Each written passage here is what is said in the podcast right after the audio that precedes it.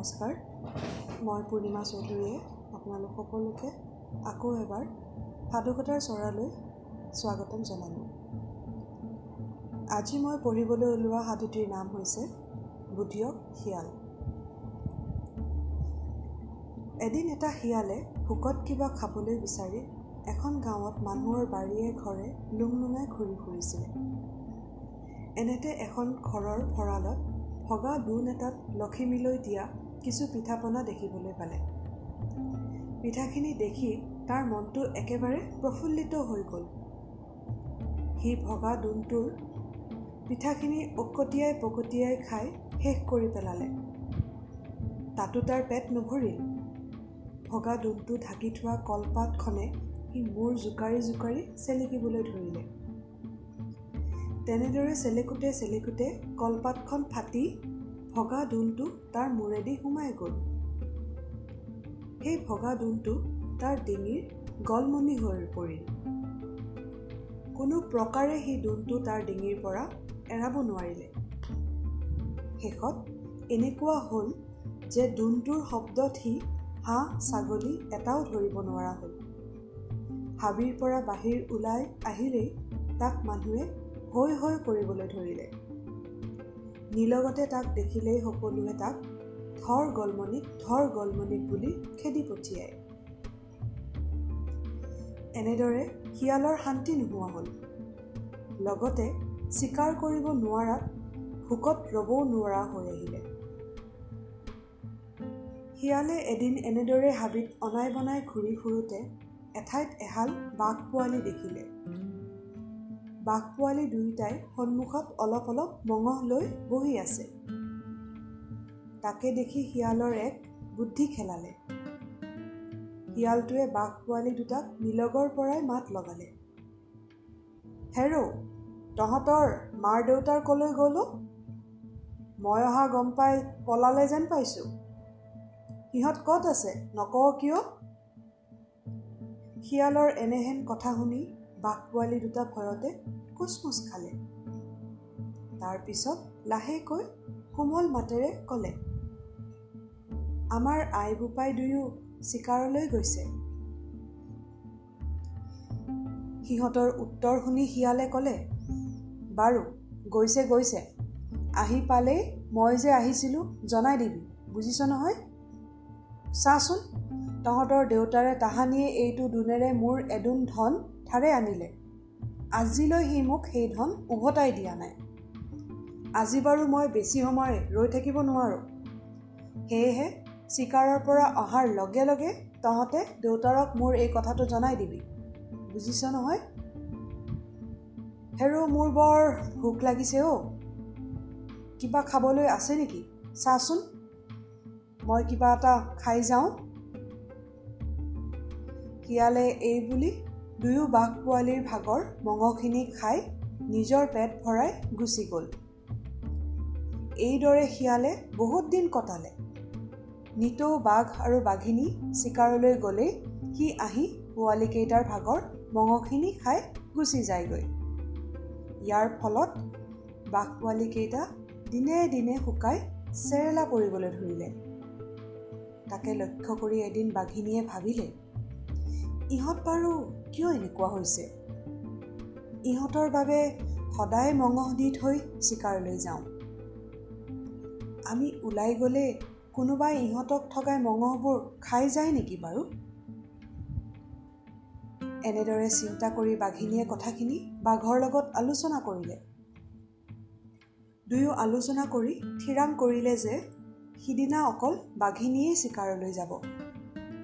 সেইদিনাৰ বাবে বাঘে চুপ পাতি বাঘ পোৱালি দুটাক পহৰা দিব। এই বুলি বাঘিনী অকলেই চিকাৰলৈ বুলি ওলাই গ'ল। এনেতে কিছু সময়ৰ পিছত ভগাদন জোকাৰি শিয়ালটো আকৌ আহি ওলাল। ফাং ফুং কৰি বাঘ পোৱালিৰ ভাগৰ মঙহ খাবলৈ লওঁতেই দূৰৈত চুপ বান্ধি থকা বাঘে শিয়ালক খেদা মাৰি আহিল। টেঙৰ শিয়ালে এনেদৰে কেতিয়াবা ধৰা পৰিম বুলি ভাবিয়েই বুদ্ধি এটা পাঙিয়ে থৈছিলে। বুদ্ধিমতেই সি বাঘৰ আগে আগে লৰ মাৰি গৈ প্ৰকাণ্ড গছ এজোপাৰ ফেৰেঙনিৰে পাৰ হৈ গ'ল। বাঘেও তাৰ পিছে পিছে লৰ মাৰিলত সেই ফেৰেঙনিৰ চেপা খাই ধৰিলে। বহুত চেষ্টা কৰিও বাঘে সেই ফেৰেঙনিৰ পৰা ওলাব নোৱাৰিলে। ইতিমধ্যে বাঘৰ চিঞৰত নানা জন্তুৰ লগতে বাঘিনীও সেইখিনি ঠাই পালেহি। কিছু দূৰৈত ৰৈ ৰং চাই থকা শিয়ালে বাঘিনীক দেখি ক'লে চাচোন চা তোৰ গিৰিয়েৰক কেনে শালত দিলোঁ? ধাৰলৈ নিয়া ধন ঘূৰাই নিদিয়াৰ শাস্তি পালি এতিয়া। তয়ো যদি ভালে ভালে নিদিয় তোকো সোধাই নেৰিম যদি ধন দিব নোৱাৰ তেন্তে মোৰ তলতীয়া হৈ থাকিব লাগিব। নহ'লে তোৰ পোৱালীকেইটাকো সোধাই নেৰিম ইপিনে বেচেৰা বাঘ কিছু সময় ধৰফৰাই মৰিয়েই থাকিলে। বাঘিনীও অইন উপায় নেদেখি শিয়ালৰ অধীন হ'ল। সিদিনাৰ পৰা যেন ধূৰ্ত শিয়ালৰ ভাগ্যই মুকলি হ'ল। বাঘিনীয়ে চিকাৰ ধৰি আনে আৰু সি ঠেঙৰ ওপৰত ঠেং তুলি খায়। এনেদৰে কিছুদিন চলাৰ পিছত এদিন বাঘিনীয়ে চুম সলাবৰ কথা ভাবিলে। বাঘিনীয়ে পোৱালি দুটা লৈ অইন এখন হাবিলৈ যাবলৈ ওলাল। তাকে দেখি লগতে শিয়ালো ওলাল। হাবিখন পোৱাৰ আগে আগে সিহঁতে এখন নৈ পালে। বাঘিনীয়ে পোৱালি দুটা লৈ নৈত সাঁতুৰি পাৰ হ'বলৈ ধৰিলে। শিয়ালেও নিজৰ মান ৰাখিবৰ বাবে ভয়ে ভয়ে পানীলৈ নামি গ'ল। পিছে নৈৰ সোঁতত ধূৰ্ত শিয়ালে কক বকাবলৈ ধৰিলে। তাকে দেখি বাঘিনীয়ে তাক থাপ মাৰি ধৰি পাৰলৈ লৈ গ'ল। পাৰত উঠিয়েই পিছে শিয়ালে বাঘিনীক খং কৰি ক'লে তই মোক কিয় তুলি আনিলি? তোক কোনে তুলি আনিব দিছিলে? তহঁত তিৰোতাবোৰৰ যদি অকণো বুদ্ধি থাকিল হয় মোক নৈৰ জলকোঁৱৰে কিছু ধন দিবলগীয়া আছিলে। কিন্তু সি মোক দেখিলে সদায় পলায় পিছে আজি সি মোৰ ফাণ্ডত পৰিছিলে বোলো টকা নুলিয়াই নেৰো আজি। কিন্তু তই সকলো শেষ কৰি দিলি। এইদৰি গুজৰি গুমৰি নিজৰ লাজ ঢাকি সি পুনৰ বাঘিনীৰ সতে খোজ ল'লে। নতুন হাবিখনত লাহে লাহে দিন যাবলৈ ধৰিলে। বাঘ পোৱালি দুটাও এইবাৰ কিছু জনা বুজা হৈ উঠিল। সিহঁতে মাক আৰু শিয়ালৰ সতে পাল পাতি চিকাৰ কৰিবলৈ ল'লে। যিদিনাই শিয়ালৰ পাল থাকে শিয়ালে সিহঁতক নানা চলাহী কথা কৈ গা সাৰে। এদিন শিয়ালে এৰাব নোৱাৰি বাঘিনীৰ সতে পহু মাৰিবলৈ ওলাল। শিয়ালে বাঘিনীক ক'লে মই পহুৰ ঘৰৰ মুখতেই থাকিম। তই সেইফালে পহুটো খেদি দিবি আৰু মই পহুৰ ওচৰৰ পালেহিয়ে আৰু ক'ত হাৰি যাব পহু? বাঘিনীয়েও সেইমতেই পহুক খেদি দিলে। পিছে শিয়ালে পহুৰ ঘৰৰ মুখত পেট পেলাই শুই থাকোঁতেই পহু আহি তাৰ পেটৰ ওপৰেৰে লৰ মাৰিলে। পহুৰ গছকত শিয়ালৰ পেটৰ ছাল ছিগি গ'ল।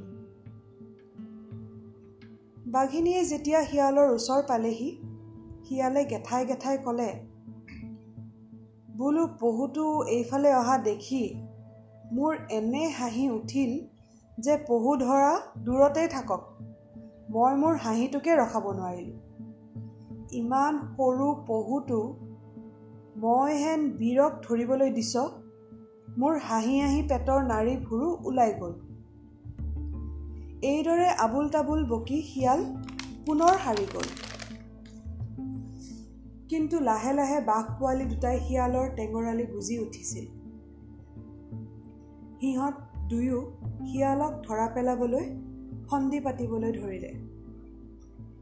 এদিন ৰাতি হাবিত অইন শিয়ালে হোৱা দি উঠিল। তাকে শুনি আমাৰ ধূৰ্ত শিয়ালৰো হোৱা দিব মন গ'ল। সি মনে মনে বাঘৰ ওচৰৰ পৰা কিছু দূৰলৈ আঁতৰি হোৱা দিব গ'ল। কিন্তু সি গম নোপোৱাকৈ বাঘ পোৱালি দুটায়ো মনে মনে তাৰ পিছ লৈছিল।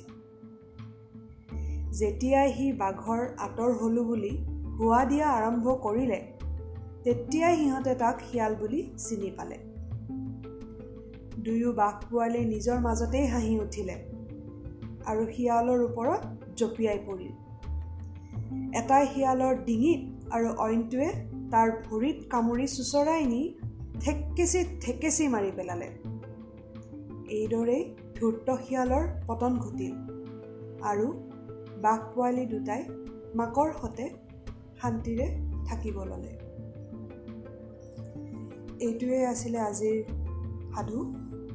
এই সাধুটোৰ পৰা আমি ইয়াকেই শিকিব পাৰোঁ যে বেয়া কাম কৰিলে আমাক বুদ্ধিয়েও বচাব নোৱাৰে। ধন্যবাদ।